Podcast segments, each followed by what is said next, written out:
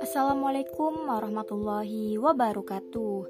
Selamat datang kembali di podcast kami dengan saya Yusti Azra Molidia Topik kali ini yang akan kita bahas yaitu mengenai 5 perkara sebelum datang 5 perkara Nah, sebagai seorang pemuda yang memiliki banyak kesempatan dan tenaga yang lebih besar, hendaklah mengikuti ajaran Nabi Muhammad SAW yang dalam sebuah hadis yang diriwayatkan dari Ibnu Abbas radhiyallahu anhu bahwa Nabi pernah memberi nasihat kepada seseorang untuk menggunakan lima hal sebelum datangnya lima hal pula, yaitu satu masa mudamu sebelum datang masa tuamu.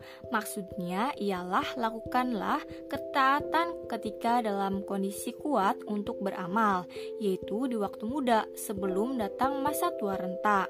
Lalu yang kedua, masa sehatmu sebelum datang masa sakitmu. Maksudnya yaitu beramalah di waktu sehat sebelum datang waktu yang menghalangi untuk beramal seperti di waktu sakit. Lalu yang ketiga, masa kayamu ketika berkecukupan sebelum datang masa miskinmu ketika tidak memiliki apa-apa. Maksudnya ialah bersedekahlah dengan kelebihan hartamu sebelum datang bencana yang dapat merusak harta tersebut, sehingga akhirnya engkau menjadi fakir di dunia maupun di akhirat. Lalu yang keempat, masa luangmu sebelum datang masa sibukmu.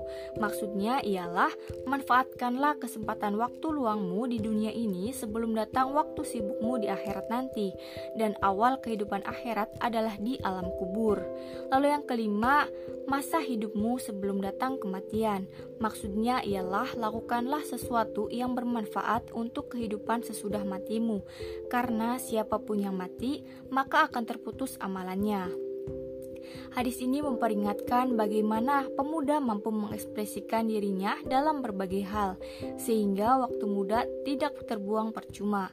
Menyibukkan diri dengan hal-hal yang positif, hal-hal yang tidak dilarang oleh agama, serta mengharuskan ilmu pengetahuan sebagai bekal di hari tua meningkatkan ketakwaan kepada Allah Subhanahu wa taala juga harus menjadi prioritas untuk para pemuda sehingga menjadi benteng terhadap godaan-godaan setan untuk mendapatkan derajat yang lebih tinggi di sisi Allah Subhanahu wa taala. Demikian yang bisa saya sampaikan pada topik podcast kali ini. Atas perhatiannya, saya ucapkan terima kasih. Wassalamualaikum warahmatullahi wabarakatuh.